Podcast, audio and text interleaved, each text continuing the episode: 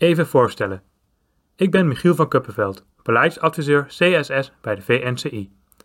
De CSS is de Chemical Strategy for Sustainability en gaat over veilige en duurzame stoffen. Een van de onderdelen in die strategie is Safe and Sustainable by Design. Kort samengevat houdt dat in dat duurzaamheid, veiligheid en gezondheid al in een vroeg stadium van het ontwerpproces meegenomen worden. Ik schreef er een column over. De nieuwe standaard. 150 jaar geleden waren ivoor en schildpadschild gangbare materialen voor veel consumentenproducten. Zo werd het ivoor uit de slagtanden van een olifant gebruikt voor pianotoetsen en biljartballen en een luxe haarkam werd gemaakt van het schild van een zeeschildpad. Pas toen de olifanten en de schildpadden met uitsterven werden bedreigd, ging men op zoek naar een alternatief materiaal. De Engelse chemicus Alexander Parks experimenteerde in 1862 met katoenvezels opgelost in salpeter en zwavelzuur en gemengd met plantaardige olie.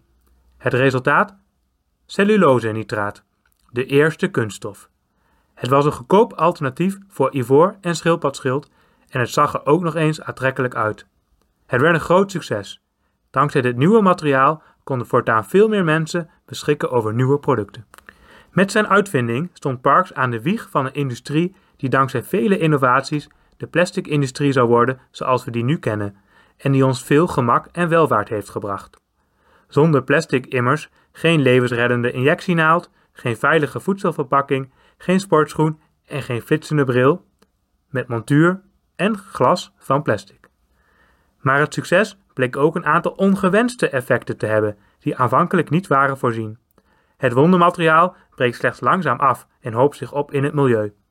De Europese Chemicaliënstrategie, de Chemical Strategy for Sustainability, oftewel de CSS, speelt hierop in door polymeren, de verzamelnaam van alle plastics, verplicht te laten registreren via de chemicaliënwetgeving REACH.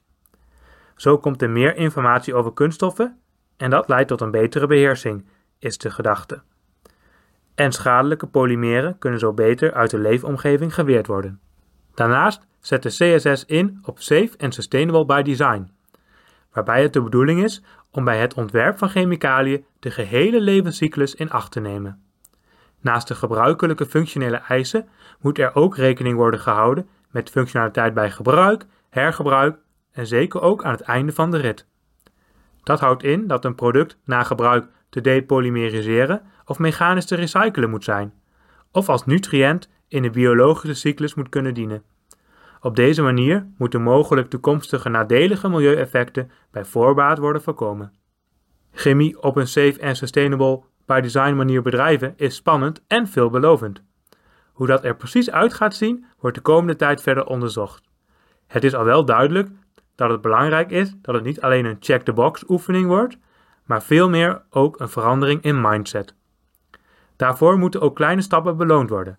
Bovendien is het belangrijk dat Safe en Sustainable by Design goed in te passen is in de innovatieprocessen van alle chemiebedrijven, dus ook de kleinere.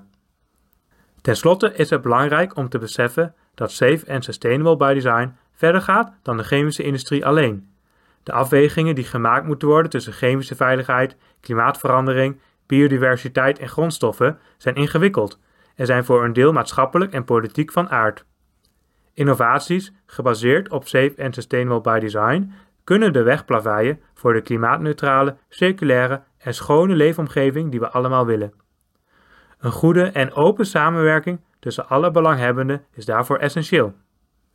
Gelukkig zijn er al mooie voorbeelden van bedrijven en publieke instellingen die samenwerken om te kijken hoe safe en sustainable by design er in de praktijk uit kan zien.